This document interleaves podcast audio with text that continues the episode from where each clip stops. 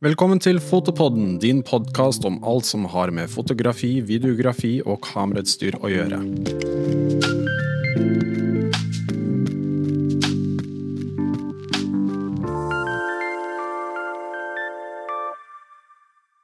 Hei og velkommen. I dag skal vi snakke om land som ikke liker å bli fotografert, eller eventuelt eh, ting du bør tenke på når du er ute og reiser og skal ta bilder. Vi har fått en gjest i studio i dag. En eh, hva skal man si, en stor gjest. Han har en rekke verdensrekorder innen reising. Han eh, er bl.a. første person i verden som har besøkt alle land to ganger, minst. Og han har skrevet en del bøker. I hvert fall to bøker. Du har skrevet 198, 'Vi reiser i alle verdens land'. Og den som vi har her i dag, 'Ingenstad'. Syns nynorsken din er fin, altså. Ja, takk. Eh, og ikke minst så har du jo podkasten uh, Globus Rulett, som tar for seg et land i hver episode. En av mine favorittpodkaster, absolutt. Velkommen til studio, Gunnar Garfors. Tusen hjertelig takk. Kjekt å være her.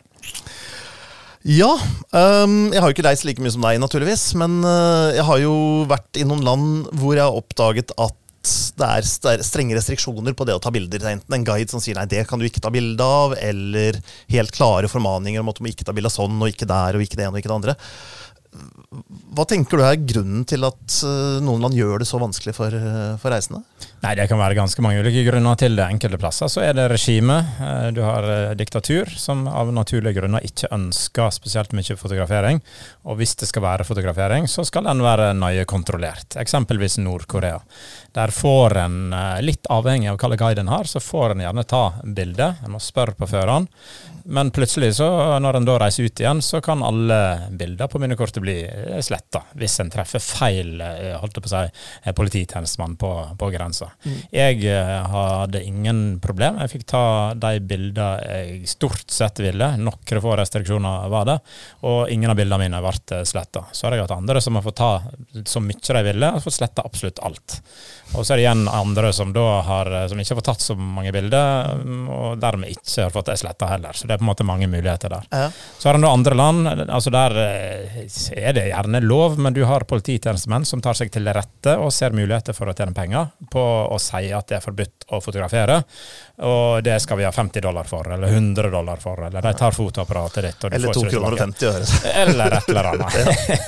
Ja. ja. Og så er det mm, eh, Og så kan det være helt lokale ting. Altså Du må være litt sensitiv. Det har ikke jeg alltid vært. Du tar bilder av feil folk. Altså, eller folk i feil eh, situasjoner. Kanskje er de forbanna, kanskje gjør de noe de ikke ønsker skal bli fotografert. Og sånn kan det være i, i Norge òg, eller et annet vestlig, andre vestlige land. Stort sett så er det en av de grunnene som, som ligger bak. Og det gjelder å prøve å være litt eh, eh, Å tilpasse seg litt og se an situasjonene. Og, og spørre. Det er bare å spørre en gang for mye, eller eh, å få en, en bøling av sinte mennesker etter seg, som da forlanger at du skal slette bildet, eller til og med skade deg, eller ta livet av deg, i verste fall. Og det vil jo helst ikke i Nord-Korea, f.eks. Bøling med sinte mennesker er vanligvis ikke noen man vil ha etter seg i noe sted, men i hvert fall ikke i Nord-Korea. Nei, det kan du si. Samtidig så er vel Nord-Korea sikkert det tryggeste landet i hele verden du kan feriere. For der er alt så sterkt kontrollert at du som turist, med mindre du gjør noe du ikke skal, vi har sett noen amerikanere som er eksempel på det, så er det helt Ja, trygt. men det gjelder vel kanskje mer at de er amerikanere. Det vil jeg tro, så de blir ja. brukt i et politisk Ja. spill, eh, og kan brukes som da på en måte chips, eller Mm. bytte til seg tjenester, eller hva det måtte være. Min erfaring er jo at, fra Nord-Korea var jo at Pyongyang er jo et utstillingsvindu. Og derfor overraska det meg litt at de skulle begynne å styre hva man tok bilde av. Ja. For man skulle tro at der var det det var det de ønsket at du skulle ta bilde av. Ja. Men selv der var det jo litt sånn Altså, og, og vi, vi fikk jo også lov å ta bilde av hva som helst, men vi følte alltid at vi kanskje pusha noen grenser eller gjorde noe vi ikke burde. Og det var kanskje en sånn generell følelse vi hadde i hele Nord-Korea, alltid, ikke bare når vi tok bilder. Ja, og jeg tror jeg de ønsker, de ønsker at det skal være litt sånn at, eh, at turister skal gå på tå. Der er det ett smutthull. Hvis du vil fotografere mer, eh, så tar du toget inn eh, og eller ut. For der har du ikke guide med deg. Og der er det enklere da å holdt på å si, fotografere fra togvinduet. Du passerer en del militære checkpoints osv. som du ikke skal ta bilde av, men uh, som regel går det bra. Så jeg fotograferte mye fra togvinduet. Og ikke stasjoner skal du fotografere, og ikke fattigdom skal du fotografere osv. Ja. Uh, trikset jeg brukte, var å ha ekstra minnekort. Ja, jeg var der til 100-årsjubileet for Store-Kim. Ja. Og når vi kom til grensa, så bare satte jeg inn kortet fra dagen før, hvor det bare var feirende, glade nordkoreanere. Og når du sjekka bildene, så var de jo så happy med det. At Ja, da- det var helt, tatt. Da er det helt supert. Ta gjerne flere bilder. ja, ikke sant? Jeg har en, eh, I den første boka mi som du refererte til, der har jeg et bilde av en, eh, en kar på toget, en grense, grensepolitimann, som da kontrollerer et kamera til en, til en Oi. Ja. Uh, Eh, og han, han sletta noen bilder. Men det var helt greit at, det, han, at han ble tatt bilde av mens han sensurerte bilder Ah, ja. til noen andre. Så det, så det er jo litt sånn litt rart. Så han eh, lot deg gjøre det, altså? Ja, det var ikke meg, det var, det var en annen Ja. jeg kjenner som tok bilder, da, Ja. som jeg fikk bruke. Men, men det er veldig individuelt, og det ser en på guider òg. Eh, altså du må, som du vet, reise i gruppe der. Eller selv om gruppa kan være bare deg, men altså du får i alle fall to guider. Ja. Og de kontrollerer ganske mye. Enkelte jeg har reist med, eller truffet i Nord-Korea, eller seinere, så de fikk ikke lov å ta bilde av nesten noe. Oi. Mens jeg har aldri, eller på de to turene, har jeg da ikke blitt, eh, eh, blitt satt på plass, eller fått forbud, med noen få unntak. da. Mm. Ja, men vi fikk også beskjed på forhånd at du skal ikke ta bilde av det, det, det eller det. Men når det kom til stykket, så var det egentlig bare politi og militære sjekkpunkter hvor vi ikke fikk lov å ta bilder. Ja. Så og eh, statuen av, av Kim-familien eh, fikk vi beskjed om. Du, du kan godt ta bilde av dem, men du må ta bilde av hele statuen. Du har ikke Ja. lov å kutte av noe Nei. som helst. Eller så sendte jeg da eh, Jeg sendte postkort fra eh, Nord-Korea. Satte eh, Kim Jong-il var det, Nei, Kim Jong-un var det da. Eh, nei, Kim Jong Ja, nå går det helt til sør her. Kim Jong-il var det vel. jeg satte da frimerket, det var selvfølgelig bilde av han. Satte det på 90 grader på sida for å få plass til å skrive på postkortet. Eh, Det kom fram til Norge, til hun som skulle få det, eh, 40 dager seinere. Men da hadde de snudd frimerket og satte opp på all teksten min. Wow! For du kan selvfølgelig ikke sette hodet hans på feil vei. Det, det er jo uhørt. og- Jeg fikk tak i det mest fantastiske frimerket i Nord-Korea. Det var bildet av Kim Il-sung som skålte i champagne med Fidel Castro. og jeg all, veldig ærbødig dyppet spisepinner i vann og gned på baksiden, for jeg skjønte at man skal jo ikke slikke på baksida av Kim Il-sung. Um, og klistret det på og tok det til guiden, som, uh, som så, så jeg spurte hvor vi kunne postlegge det. Og han sa um, et øyeblikk, sa han. Og så forsvant han inn i bokhandelen, og så sto han der lenge og prata med hun i bokhandelen og kom alvorlig ut igjen. Og så sier han jeg håper du ikke har betalt for mye for dette her.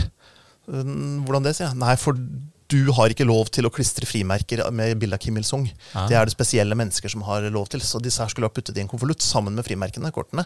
Og så skulle noen andre ha klistret dem. Jeg skjønner. Ja, sånn skal det være. Så jeg fikk ikke sendt postkort. Nei, Såpass, rett og slett.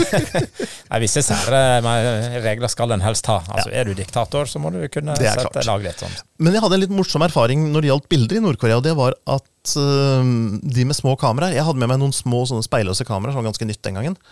Og ingen stoppet meg. Nei. Mens de som hadde speilreflekskameraer, de ble stoppet. Bedt om å vise fram bildene, bedt om å slette tre stykker. Det var alltid tre stykker. Uh, og så kunne vi fortsette. Ja. Men jeg slapp alt det, for det så ikke seriøst ut med minikameraer. Og det er på en måte noe vi, vi, vi har fordel av nå med mobiltelefoner og med ganske gode kameraer. Mm. Altså Vi ser ikke ut som profesjonelle fotografer, og da slipper en mye eh, enklere vekk ifra det. Det ser jeg i, i mange land. Mm. At, at Da kommer en gjerne enklere unna. Så det er enklere å snikfotografere igjen òg, da. Mm. Bare trykke på, trykker trykke på eh, billedtasten, f.eks. Ja. Til alle der ute så har jeg veldig godt triks hvis du vil snikfotografere og du bruker noe annet enn mobiltelefon. Hvis du har et vanlig systemkamera, ha det hengende rundt øh, over skulderen, bare sånn ned på hofta. Og så snur du deg sånn at kameraet peker mot der du skal fotografere. Og så kobler du kamera til mobiltelefonen med wifi.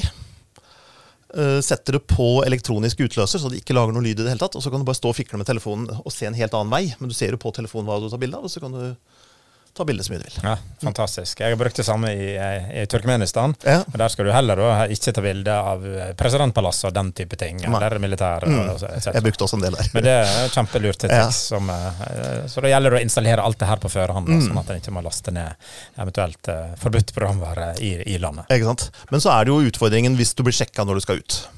Og jeg hadde jo en, et holdt på å si, ublidt møte med sikkerhetspolitiet i Turkmenistan. For jeg tok bilde av noe som jeg tydeligvis ikke skulle ha tatt bilde av. Ja. Selv om ingen hadde sagt det til meg på forhånd, og det ikke er alvorlig i det hele tatt. Men da kom det to strenge menn bort til meg og sa øh, sånn folk i dress og propp gjør sånn You must come with us. Ups. Så da måtte jeg det, og så måtte jeg vise fram bildene og slette bildene. Og etter det så Det er mulig bare jeg er paranoid, men jeg følte meg ganske mer overvåket enn jeg gjorde før dette her. Og da så jeg for meg at jeg var i et eller annet register og ville bli stoppa på flyplassen. Og da var jeg litt sånn smånervøs når jeg skulle ut. Da hadde jeg flytta de bildene over på et kryptert område på mobiltelefonen min. Men det var litt sånn Hva skjer nå, liksom? Når jeg skal ut her, skal de gå gjennom alle bildene og sjekke og dobbeltsjekke, og skal jeg miste flyet og skal jeg liksom Men det skjedde ingenting. Nei. Er helt, eh, helt eh, fredelig. Det bruker å ordne seg. Jeg har eh, vært i Ekvatorial- Ekvatorial-Guinea. Måtte jeg da slette bildet.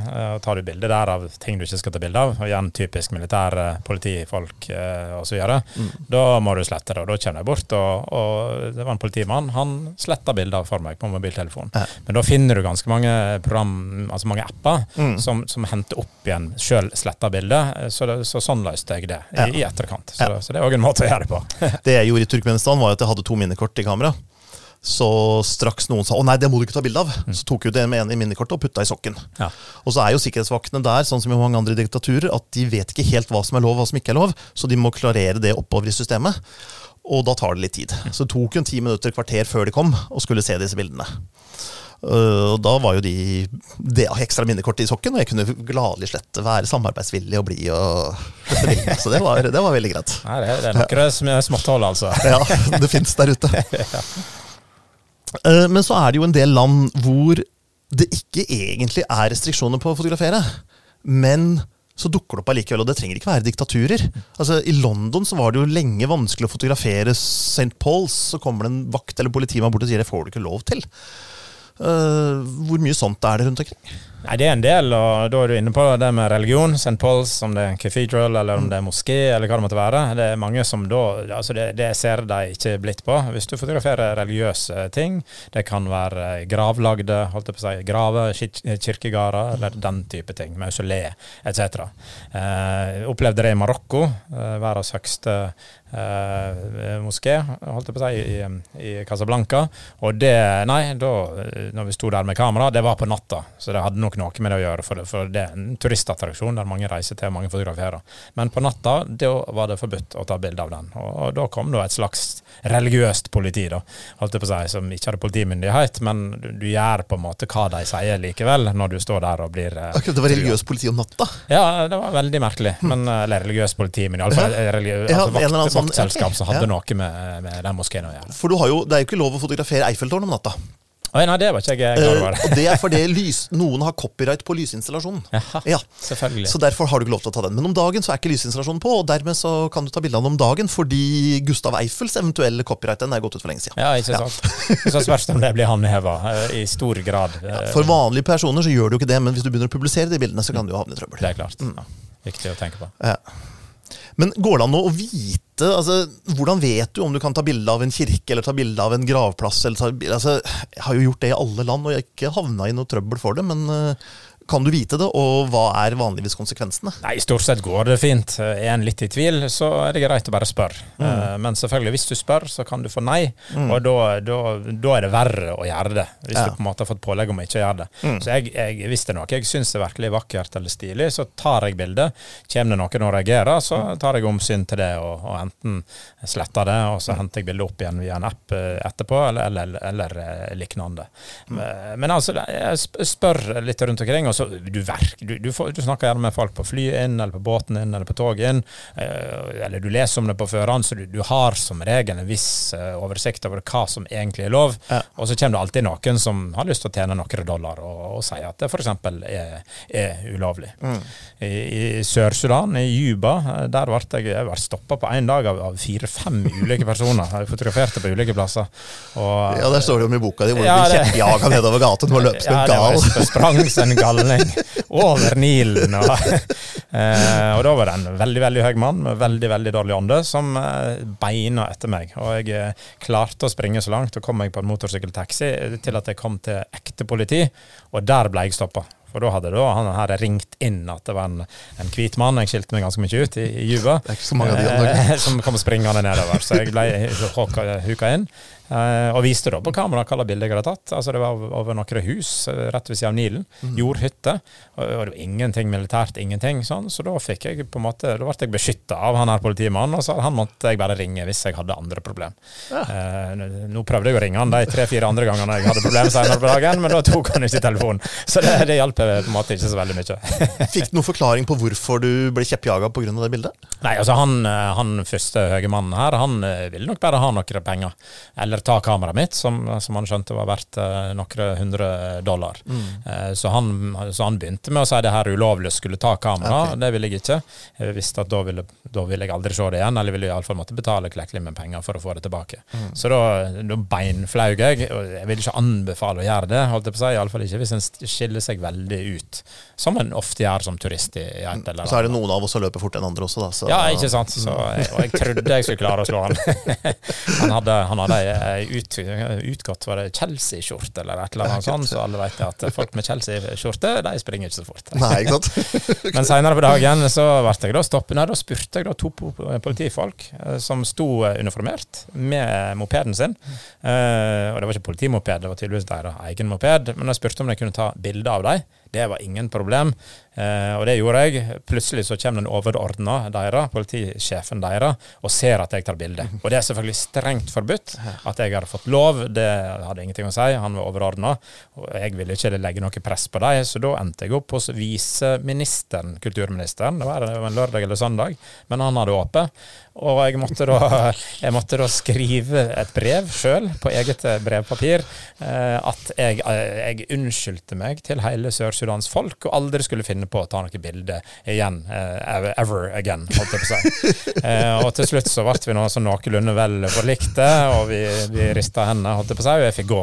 Og akkurat da tenkte jeg å, det her brevet, det må jeg jo ta bilde av. og da så snur jeg og, og, spør kan jeg få lov å ta bilde av brevet. Hæ?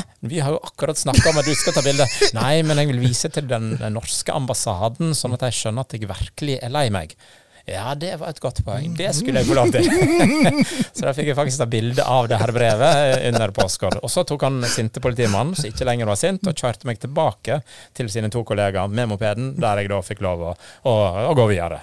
Men igjen, jeg, jeg stoppa stoppa litt å fotografere da, eller fotograferte iallfall mer, mer i skjul. da. Jeg skjønte at Sør-Sudan er ikke et land der, der en syns det er bra at en fotograferer. Nei, og så er det noe Når man har skrevet under på at man ikke skal gjøre det, så er det mye mer alvorlig å gjøre det enn hvis du bare ja, bare ja, gjør det. Absolutt. Ja. Samtidig kan du si at nå var jeg blitt kjent med viseministeren.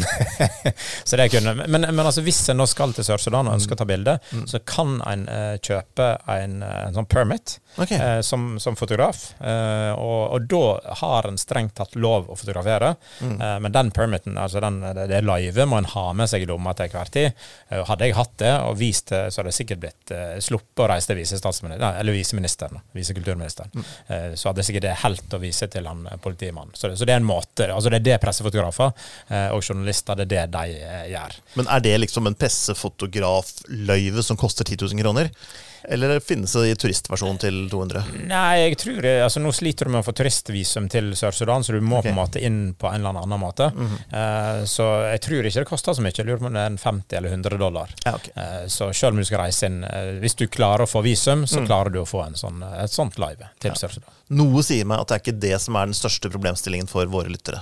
Det vil jeg kanskje betvile. Nå er riktignok Sør-Sudan det nyeste landet i verden. Ja, enn så lenge. enn så lenge, ja. så som Bougainville plutselig ja. kommer opp løpssida. Men uh, det er mye uro der, borgerkrig og det ene med det andre. Så, så, det er kanskje ikke da plassen en, en kanskje aller først vil reise til. Samtidig så er det et helt vanvittig flott og, og spektakulært, variert land. Eh, mye dyr. Du har stammer som er så å si uoppdaga.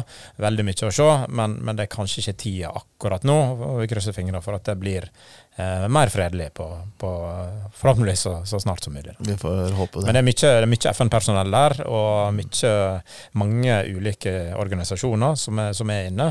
Så, så, det å reise til Juba er stort sett eh, trygt, og der finner du ganske masse bra restauranter og, og, og delvis uteliv og den type ting for de som er ute etter det. Men uh, å gå så mye Det er rart sted å dra for utelivet, da. Ja, så jeg ville jo kanskje valgt ganske mange andre plasser. jeg, jeg må innrømme det, altså altså. Litt eksotisk, da. Stikk til Juba for å drikke øl. Ja, ikke sant. Ja, Nå liker vi det her området. Ja. ja. Men um, noe av det vanligste man møter, er jo at man vil ta bilde av en situasjon. Og enten den situasjonen ønsker ikke å la seg fotografere, eller uh, du føler at du må spørre om tillatelse først, og da forsvinner situasjonen. Mm. For da stiller de seg opp eller gjør et eller annet helt annet enn det de egentlig dreier med. Mm. Har du noen triks der? Nei, altså Det er bare å ta bilde og være så diskré som mulig. Og eventuelt kanskje, sånn som du foreslår, å henge kameraet på sida og styre det med mobiltelefonen. Mm. Eh, eller bare å ta bilde. Så I sånne situasjoner så skjer det så mye eh, som en eller annen tar bilde, så, det, så det er ofte at en ikke legger merke til det. Jeg var i Den sentralafrikanske republikken en gang og så eh, Jeg var inne i en bank. Jeg var på utkikk etter en minibank. Eh, for jeg hadde da blitt eh, Jeg mista lommeboka mi, så jeg hadde bare backup-kredittkort igjen. Så jeg trengte da desperat en minibank. Og det skal du helst ikke trenge i Den sentralafrikanske republikken. Det attpåtil mastercard, så det var i alle fall ikke noe. Så jeg, var, jeg gikk fra bank til bank, og så kom jeg til en der var det helt full. 200 sinte mannfolk. Eh, og jeg tenkte ja, det her må jeg ta bilde av. eh, og grunnen fikk jeg vite seinere. De de var fly forbanna, for de hadde ikke fått lønn på to-tre måneder. Eh, og så kommer det da en utlending og begynner å fotografere de som er sinna. Det, da snudde da sinnet mot meg, for de hadde vært sinte mot banksjefen i, i timevis, og han hadde ikke penger å betale lønn, så han fikk ikke gjort noe. Og, og da altså, stimla de rundt, seg, rundt meg og forlangte at jeg skulle slette bildet. Og de skubba til meg. Jeg bare tenkte at nå er det, altså det her er det siste jeg gjør. Og da kom det en 20-åring som snakka engelsk. De snakka fransk der, de, de lokale. Eh, og han klarte da å megle, og så jeg måtte, og så sletta jeg bildet, eller to-tre bilder. Eh, og han bare drog meg med. Nå må vi stikke før det blir, før det blir kjølhale. Eh, og vi kom oss unna. Og han skjønte at han hadde redda meg. Jeg, som sagt hadde jeg mista lommeboka, jeg hadde nesten ikke penger. Jeg hadde bare det her ene kortet. Så, så da tenkte jeg ja, det er vel verdt å, å gi han ei påskjønning. så, men jeg hadde som sagt ikke så mye penger, så, så jeg kjøpte ei øl til hver av oss og en, en halv kylling til hver av oss, og så satt vi ned med elva og, og konsumerte det. da. Så summa summarum så har jeg da verdsatt mitt eget liv til ei øl og en halv kylling. Ja. Før jeg da snakker videre. ja. Og moralen er kanskje ikke ta bilde av en rasende mobb med 200-300 mennesker. Det er riktig. Ja. det, det burde jeg selvfølgelig ha skjønt. Så det er noe med å lese situasjonen. Og samtidig, så, så hvis en da er fotograf og på utkikk etter bra bilder, så, så tenker en kanskje ikke på det. Eh, som jeg ikke da gjorde. Og jeg er ikke profffotograf, men, men altså, jeg, jeg syns det var, kunne ha vært et tøft bilde. Eh, det, var på et, det var ikke på mobiltelefonen, det var på et kamera. Så, så det bildet fikk jeg da ikke redda ved hjelp av noen app. Så det, det bildet er rett og slett Det fins programmer for sånt til, som du kan putte inn på PC-en. Ja. Som kan redde det fra minnekortet også, men da kan du ikke skrive over minnekortet. Da må du ta ut det og ikke bruke det kortet mer før du kommer hjem og får Ja. kjørt den appen. Og så kan du da bruke et annet minnekort hvis du har det. Jeg skjønner. Eh, Så spørs det om jeg finner det kameraet hjemme. Ja, og om du har brukt det minnekortet nå. Ja, det, ja, har det, har, gjort. Det har jeg nok gjort, altså. Og da har du eh, overskrevet det området, er det borte. Ja, jeg skjønner. Ja, men det er godt med, et, med den type triks. Um, men du sier at det er lettere å få tilgivelse enn tillatelse. Spør du noen gang om lov, eller tar du bildet først og eventuelt spør om lov etterpå? Eller hvordan går du fram? Ja, det blir litt begge deler. Ja. Altså, det, altså det beste er, så, som du sier, spør om lov i etterkant. Hvis Mm. ikke det er helt åpenbart at her eh, altså, hvis, altså hvis, alle, hvis folk står og ser på deg, og, du, Mm. tar- og det blir veldig tydelig at du tar opp et kamera, så, så bør en spørre. Og hvis en tar bilde av folk, iallfall nærbilde, så, så er det lurt å spørre på førhånd. Er det Mm. greit at jeg tar bilde av deg? Eh, har en litt lang linse osv., så, så, så, så slipper en unna. Men strengt tatt så skal en vel heller ikke da publisere bilder av folk som ikke har gitt samtykke. Så det kommer kanskje litt an på hva en skal bruke bilder til. da. Nå kjenner ikke jeg jussen eh, helt her, men, men altså, skal jeg ta bilde, nærbilde av folk, da, da spør jeg om det. Ja. Eh, Er det unger, så sier de alltid ja. Da skal du kanskje strengt tatt spørre de foresatte. Ja, det, det blir jo ikke til at en gjør. Er det eldre, så er det noen som er kjempe eh, glad for å bli tatt bilde av. Og, hvis, hvis vi nå ser på store deler av Afrika, store deler av Sørøst-Asia, deler av eh, Sør-Amerika, deler av Øst-Europa, og så er det folk som ikke har kamera, de har ald kanskje aldri sett bilde av seg sjøl, og de blir veldig glad over å bli tatt bilde av. Eh, det var vel i var det Usbekistan, da, da var det en liten eh, gjeng, og det var sånn Kan du ta bilde av meg? Vær så snill, ta bilde. Og, Ja, hvorfor det? Nei, for da blir vi med deg hjem til ditt heimland, og så eksisterer vi der, på ditt bilde. Så, så det er jo òg en måte å tenke på, tenke på det her. Men, men spør om lov. Det, det er lurt, altså. Det finnes jo nå sånne små skrivere som du kan koble til mobiltelefonen eller kamera, og hvor du da kan få ut et bilde med en gang. Så når du tar bilde av folk som ikke har noe bilde av seg, og aldri sett noe bilde av seg, så kan du faktisk ta bilde av dem, så kan du gi dem en hardcopy Ja, ja, ja. med en gang, uten at du trenger sånn gammelt polaroid. eh. Hva koster en eh, sånn sak? En tusenlapp ish. Det vil jeg absolutt anbefale. For Mm. altså, det, altså, det er virkelig noe folk setter pris på. Kanskje ikke på Gran Canaria, men eh, Nei, det kan du si. I, i, i visse, visse områder. Da. Det blir litt som polaroid-kamera. Altså, Vær så god. Mm. Uh, og det gjorde det en gang i Lesotho. Da traff jeg, reiste jeg med søstera mi, Kjersti. Og da kom vi til noen vakter på en fjelltopp. De passa på en radioinstallasjon, altså en radiosender. Har Lesotho noe annet enn fjelltopper? Ja, nei, det er vel det. Det er, det er et godt spørsmål. Det er det landet i verden der det, det laveste punktet er det høgste, på 1300 meter. Så, men det er riktig, det har ikke mye annet enn et par dammer, elektrisitetsdammer, holdt jeg på å si, og noen fjelltopper. Og da ble det tok bilder av dem. De fikk se bilder på digitalkamera. Og, det sånn, ja, eh, og da sendte vi det i posten. da. Vi hadde ikke noen sånn skriver. Nei. Og det, det, det, det satte de veldig stor pris på. Mm. Så, så, og da, da på en måte, da, da viser en at her får de gave fra meg. En viser at en er vennlig sinna og ikke vil noe vondt, eller og så videre. Så, så det er en veldig fin gest å gjøre det. Altså. Ja. Og enklere selvfølgelig hvis du har et, en sånn type skriver som, mm. som du snakker om. Så er det en del steder i verden hvor pressen er veldig uglesett. Så hvis du kommer med fotoutstyr som gjør at du kan se ut som presse, så er du alltid i en helt annen situasjon enn hvis du kommer med noe uskyldig. For veldig ofte så vil de at folk skal ta bilde av dem, men de vil ikke bli overvåket av myndighetene eller av pressen eller av et eller annet sånt. Så jeg tror nok et lite kamera veldig ofte er en, en stor fordel også. Absolutt. Framfor, for du framstår som vennligere, Ja. egentlig, med Ja et lite kamera. og det blir litt det, et sånn svært kamera. De alle har sett det på TV, eller altså de, de skjønner, selv om de ikke har sett pressefotografer, eh, så skjønner de at oi, det her ser seriøst ut. Mm. Turkmenistan er et godt uh, eksempel på det. Der får du ikke visum, eller iallfall veldig mye vanskeligere å få visum, hvis du da skal reise inn som, som pressefotograf. Og da Mm. får du nok med deg en minder, holdt jeg på å si, som, som passer på at du, du kun får ta bilder av og se det du er der for, eller det du får lov å, ta bilder av. Ja. Så, så, så, det, så, så det ser jeg nå litt at, at mange sniker seg inn. altså De søker ikke om pressevisum, fordi de vet at det får de høyst sannsynlig ikke til enkelte land. Uh, og da er det tross alt bedre å, å få noen bilder, kanskje med dårligere kvalitet, enn en ikke å få bilder i det hele tatt. Men, men altså, risikoen er at da er en der på feil premisser, og en kan i verste fall bli, bli fengsla. Det har vi sett eh, noen eksempler på rundt omkring i verden. I Nord-Korea så er det jo litt spesielt. Altså, første gang jeg hadde tenkt å dra til Nord-Korea, så var jeg journalist. Og da fikk jeg sjefen til å flytte meg over til en annen avdeling et par uker. Så jeg hadde en kontrakt på at jeg ikke var journalist, så jeg kunne søke. For Nord-Korea de sjekker, og da skal sende inn arbeidskontrakt, og de kan sjekke dette her. Noe av utfordringen er at hvis du publiserer bilder som journalist etter at du har vært der som turist, så kan guiden din havne i trøbbel. Reisebyrået du har reist med, kan havne i trøbbel.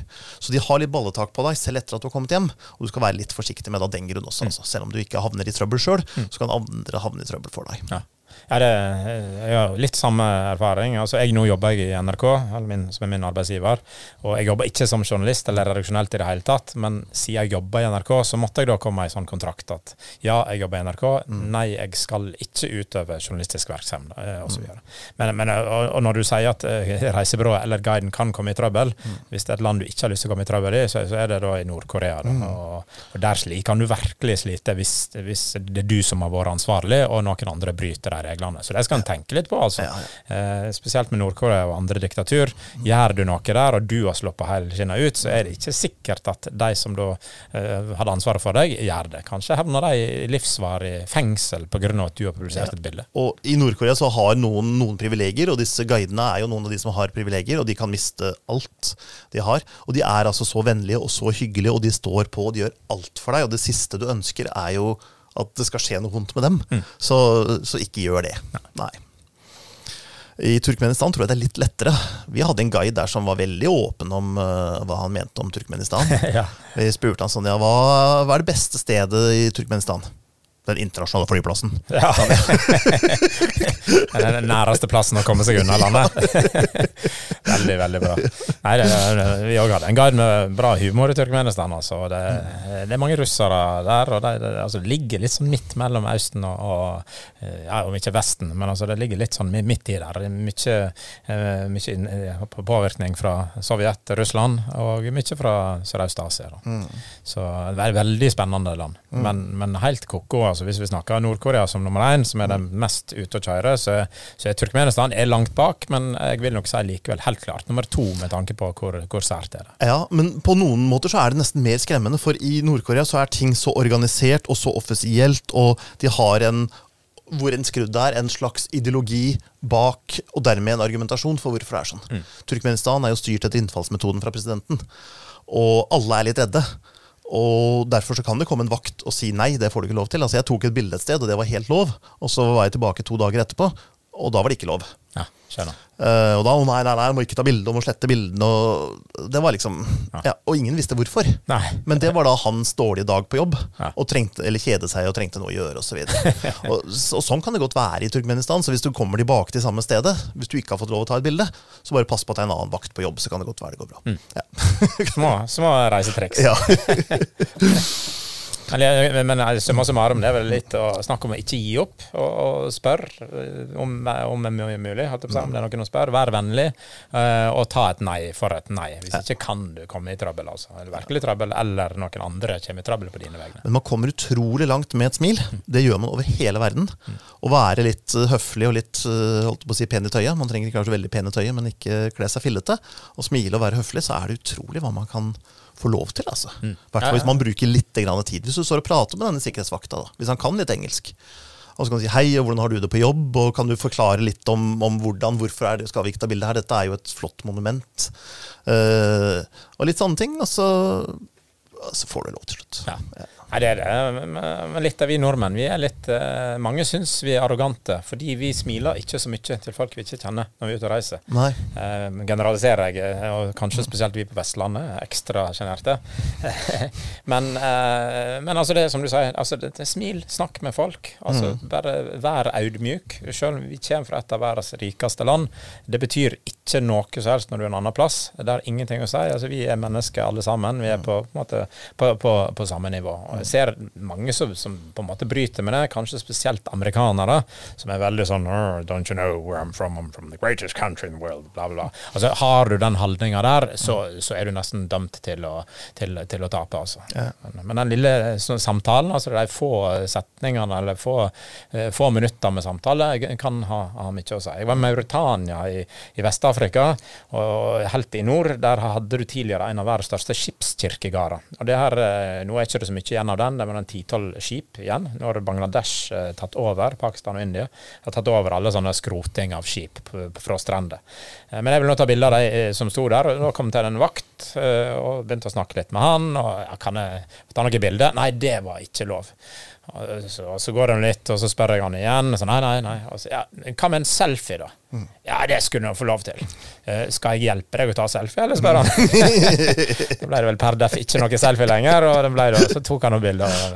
Så, men igjen, altså, da, da har du fått en dialog. Og, sant, altså, ja, og en mye bedre historie til bildet. Ja, ja, ikke minst. For er jo, altså, man er jo egentlig ikke vanligvis ute og reiser for bildene, man er der jo for opplevelsene. Mm. For å møte nye mennesker, for å møte nye kulturer. Og du kan bruke foto som et verktøy for det. Mm. Og da, da, kommer du inn på folk, men det er jo egentlig det å, å møte folk som er det spennende. Absolutt. Det er ikke å ta bilde av en skipskirkegård. Nei, ikke sant. Bortsett fra kanskje Mauritania, hvor det er omtrent det eneste. Ja, det, det, kan du si. Mauritania er spennende, for all del. Men, eh, men nei, jeg er helt enig. Og, og, og det syns jeg vi ofte bryter litt med. Altså, vi reiser, Gjerne så reiser vi i lag til et annet land, og da er vi ei gruppe. Ei vestlig gruppe, holdt jeg på å si. Og så eh, og det er vanskeligere å komme inn på ei gruppe enn hvis du reiser alene. Mm. Eh, og da tenker jeg ja, vi har det noe bra, vi tar bilder, vi ser veldig mye. Men det er den, hvis ikke du snakker med folk da, altså Du får ikke den samme infoen, eller det samme inntrykket, den samme atmosfæren. altså Det blir helt noe annet. Mm. Så det å snakke med lokale mennesker, altså det er alfa og omega når en er ute og reiser. Og ikke bare de som jobber på hotellet, men altså hermetegn vanlige folk på, på gata. Jeg syns mm. det har ekstremt mye å si. Og da er veien kjempekort, eh, iallfall hvis du reiser utenfor den vestlige verden, til å plutselig bli invitert hjem på middag hos noen. Altså plutselig er det et bryllup, eller de skal ta deg med på en, en fottur, eller på ei strand, eller hva det måtte være. Mm. Og det blir helt noe annet enn å på en måte bestille eh, turer på føreren, eller ekskursjoner på føreren på nettet, mm. eh, til, på en plass du aldri har vært før, eh, og så kommer du dit, og så Oi, det var ikke sånn jeg hadde trodd. Og den ekskursjonen her er ganske dårlig og altfor dyr. Uh, ja, men jeg har jo betalt. Og så på en måte så, så, så mister en hele den, og, og mister kontakten og de gode rådene fra de lokale. Ja, Der er jo litt unntak igjen Nord-Korea, Turkmenistan og Bhutan, for der må du reise med guide. Ja. Der må du på en pakketur. Det vil si, du kan jo dra på din egen pakketur, men uh, du er litt begrensa, da. Absolutt. Og i Nord-Korea får du ikke lov til å snakke med folk som snakker samme språk som deg, bortsett fra guiden. Nei, er, Så vi fikk snakke med hvem vi ville så lenge de ikke snakket engelsk. Straks det kom en som kunne litt engelsk, så ble en jaget bort. ja, jeg. Så- Ja, sånn, sånn kan det gå. Ja. Eller så er det, er det avklart på føreren at eh, jo, det er en normal person, du kan snakke med han. Ja. Eh, Men da er det på en måte klarert. Da. Det er ett et smutthold der, og det er Turkmenistan. Hvis du reiser inn på eh, trans, eh, transitvisum, Ja. eh, da har du 72 timer å komme deg gjennom landet, og da trenger du da ikke eh, guide. Nei. Så det, det er én måte å gjøre det på. Det får du vel enklest i Baku i Aserbajdsjan. Der er det ganske rause med transittvisum. Ok. Eh, Men på de, de siste jeg sjekka for et par år siden, de europeiske ambassadene, så er det veldig veldig vanskelig. Ja, for jeg hadde vurdert å fly inn til, til Ashgabat, hovedstaden, og så ta en buss over til Mashhad i Iran. Mm. Men sånt gir det ikke transittvisum for, for da skjønner jeg ikke hvorfor du skal fly inn til Nei. Turkmenistan i det hele tatt. Nei, nettopp. Så, så du må på en måte ha en god grunn. Ja. At ja, men nei, jeg skal til Usbekistan f.eks., Ja. Mm. og da tar jeg toget eller tar bussen dit. Og, og, og, Eller du er på Mongol Rally eller noe sånt, og så Ja. kjører de ofte gjennom. og Da Ja. får du transittvisum. sant? Så, så det, er- det er lite, lite triks. Men der går det an å snakke med folk. ja. Altså, Har du en guide som er litt fleksibel, så får du råd til å gå litt på egen hånd. Og det er en helt annet regime Mm. i Turkmenistan enn det er i, i Nord-Korea, sånn sett. Absolutt. Det er Så- mer, mer fleksibelt. Og det er åpnere, ja. selv om det er Ja. ikke helt åpent, men det er åpnere inn. Og du har flere nasjonaliteter. og Du har russere, du har kinesere, tajikere osv. Ja. Usbekere. Så absolutt. Nei, så- Nord-Korea er i særstilling. særstilling. Altså det, det å reise til Nord-Korea, det er at en da på en måte redefinerer sin egen definisjon på hva et land er, og hva et land kan være. Ja. For det er bare så far out eh, på, på nær sagt alle måter. Og du blir paranoid, og du blir tafatt. Ja. ja. God kombinasjon. Jeg traff, eh, ja. Jeg traff for øvrig, eh, apropos eh, nordmenn i Nord-Korea, jeg traff for øvrig altså Jørn Andersen. Som, han var da landslagssjef for det nordkoreanske fotballandslaget. Han traff jeg da i toppbaren, eller så baren på toppen, på et av hotellene i, i Pyongyang. Så jeg slo av en prat der, og han sa det. Altså det var så mange historier. Han, var, han sa det. "Mm, De historiene her de skal jeg fortelle, men ikke før etter at jeg har flytta fra Nord-Korea. For forteller jeg dem nå, så er det da, da da sliter både han og veldig mange av de rundt seg. Ja. Så, eh, så jeg ser fram til den boka eventuelt, eh, eventuelt kommer. Det er veldig spennende. Eh, Det var en ting jeg glemte å nevne da vi snakket om store og små kameraer og, og frykt for presse osv. Jeg har jo opplevd egentlig akkurat det motsatte. Jeg var på et, i et bryllup på Zanzibar. Og der er det bruden får se, nei, brudgommen får se bruden første gang inne i et sånt lite rom hvor han skal ta løfte av sløret og sånt noe. Og da er hele familien til stede. Og da ble jeg pressa inn i det samme rommet, for jeg var tydeligvis presse. For jeg hadde da et, et speilreflekskamera. Du må være presse, du skal inn der. Ja. men jeg har ikke noe her å gjøre. Jo, jo, jo, du skal inn der. Så da fikk jeg komme inn da og være med det som egentlig bare familien og noen ytterst få fotografer fikk være med på, fordi jeg hadde stort kamera. Men det er vel kanskje mer unntak enn en enn regelen, tror du jeg. heldig der, altså. så, og du, ga fra deg bilder, og de fikk bruke dem, holdt jeg på å si? Eller? Ja, det var jo i analogtida, dette her. Så det var ikke så lett å gi fra seg bilder. Og på Zanzibar den gangen så var det ikke mulig å framkalle film. Så han måtte i så fall til Dar, og jeg skulle ikke til Dar, osv. Så, videre, så det, det ble litt vanskelig. Ja. Men uh, Nei, men du var pressefotograf. Jeg var tydelig tydeligvis presse der i inne, et. Fantastisk. yes, er det noe mer vi bør uh, ta for oss her? Nei, altså det, det er mer og mer Nei, så det, det er jo litt det med, med lagring du har vært inne på. Nå har vi snakka Ja. om litt diktatur og det ene og det andre. Mm. Um, og jeg ser det altså last, altså Hvis du har internett, da, det er det ene, uh, og har mulighet til å laste opp underveis Så jeg har hørt så mange, altså de har tatt så mange bilder, og så blir de frastjålet, enten kamera eller minnekort, eller, Mm. eller begge deler. Så, så det å, å på en måte iallfall berge de beste bildene ved å laste dem opp i en eller annen sky, hvis det er mulig underveis, er absolutt noe en, en bør gjøre. Ja. Og det her kan en strengt tatt gjøre i alle land utenom eh, Nord-Korea. Eh, med mindre en jobber der, da får en internettilgang. Men ellers så, eh, men i Turkmenistan da må en ha en VPN, og, den, og de VPN-ene som funker, det, det varierer da hvert andre til femte måned, før da sikkerhetspolitiet finner ut at oi, det er en ny VPN som går forbi. Eh, og, og, og det fant jeg ut ved å snakke med lokale. Vi var på en ja. gallamiddag og begynte å snakke med dem. Ja, jeg, for da har jeg lasta ned tolv VPN-er, eh, apper. Innenfra Turkmenistan, det gikk an å laste ned VPN-er. Eh, men Som selvfølgelig det, var det de burde ha sperra. Mm. Eh, men ingen av de tolv fungerte. NRK sin, som jeg hadde fra før, fungerte ikke. En annen jeg har brukt i andre land, som fungerte fint der, fungerte heller ikke.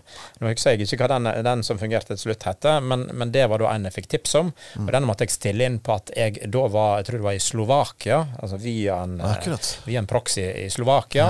Da fungerte akkurat den, den appen. Ja. Eh, Så, så igjen, er det sånn at, at du ikke får brukt ting altså da, Der kunne jeg laste inn opp en del skyer, men jeg kunne ikke bruke Facebook eller Twitter eller, eller Google Maps eller den type ting. Så for å få tilgang til de tjenestene, så da var jeg avhengig av en, av en VPN. Og det ser vi litt andre plasser òg. Ekvatorial-Guinea f.eks. Kina må du ha det. Eh, en del andre land. Men Kina har jo, der er jo alle VPN-er åpne. Så der kan du bare installere den i VPN og bruke. Mm. Da jeg var i Turkmenistan, så var det ingen som fungerte. Vi fant ingen som visste om noen som fungerte. Noen visste om noen som fungerte tidligere, men de fungerte ikke lenger. Nei. En av de på turen hadde sin egen VPN satt opp hjemmefra. Ja, fungerte ikke den engang. Nei. Så um, Nei, de er ganske på, på topp av den ting. Ja. De, de her som jobber med, med kommunikasjon Mm. i, eh, i Turkmenistan. Så, men de sa det, så det varierte, da. Eh, Altså det, det endrer seg hver andre til femte måned, Ja. eh, til noen da fant ut av den, og så sperra de den. Så, så måtte de finne en ny en. Men da går det an, for eksempel, hvis du har et kamera med to minnekortspor, ha med dobbelt så mye minnekort som du trenger, og så kan du da daglig, annenhver daglig eller noe sånt noe, ta ut minnekort og legge i kofferten, sånn at du ikke har dem på samme fysiske sted. Når du reiser fra A til B, ha ett sett i håndbagasjen, ett i kofferten. Har du med en bærbar PC, så kan du alltid flytte over på en bærbar PC eller en ekstern harddisk. Ha den ene i kofferten og den andre håndbagasje. Sånn at hvis det blir innbrudd på hotellrommet, så forsvinner bare den ene. Mister du håndbagasjen, så forsvinner bare den ene. Så har du en kopi fortsatt. Ja. Hvis du ikke har sky. Ja, ikke sant? Ja, og noen ganger så har du sky, men det er så treg at du kan jo ikke laste opp alt det du tar bilde av. Nei, absolutt ikke. Så da må man kanskje velge seg ut noe. Eller som du har- sier, ha, ha flere. Ja. Og så er det som regel, hvis du eh, får roame å si, via telenettet i landet med data, Mm. eh, så vil du nesten alltid kunne bruke det, og det går forbi eh, absolutt alt. Har i alle fall vært min erfaring. Problemet er at det, koster, det kan koste skjorta per megabyte, så, Mm. så, så da er det kanskje Da skal en ha et veldig bra bilde som en absolutt må få lasta opp eh, og tatt kopi av, hvis en skal bruke det. da. I Nord-Korea kan du nå få kjøpt SIM-kort med data, så du kan poste til Insta osv. Ja. Det koster jo blod, Ja. så til Insta så funker det, men du kan ikke ta backup av bildene dine. Liksom. Det, det er helt, det vil koste titusenvis av kroner. Ja. Så, men du kan i hvert fall få posta noen bilder på Insta da, fra Nord-Korea mens du er der. Og det er jo man kan si, framoverlent av dem. Progressivt. Ja, absolutt. Og her vil jeg jo si, altså, de, og disse tingene endrer seg eh, ofte eh, fra land til land. Det er en er visumsituasjonen, men det andre er hvordan du får eventuelt tilgang til internett osv. VPN. Eh, da finnes det mange grupper, da, mellom annet på Facebook. Det er en som heter EPS. Every Passport Stamp står den for. Og Der er det da, jeg tror det er 4000 medlemmer. og det er folk, De har lyst til å reise til alle land og utveksle informasjon om hvordan en best kan, kan uh, få til det ene eller det andre. Så, så spør gjerne på den type gruppe. Du finner nesten alltid noen som har, har vært i det landet du skal til nå nylig. da. Mm, akkurat. Det må jeg notere meg. Yes. Er det noe mer vi vil snakke om, eller skal vi si at eh, vi har skravla nok? Da tror jeg vi har vært innom mye, altså. Ja. Innenfor, eh, innenfor foto. Jeg tror vi har dekket det viktigste her. Da sier vi takk til dere som hørte på og så på. Tusen takk til deg, Gunnar, for at du kom. Takk, takk. Så um, håper vi kan få en liten prat en annen gang, kanskje, hvis det er noe mer vi ikke har dekket. Takk for nå. Ja, ja.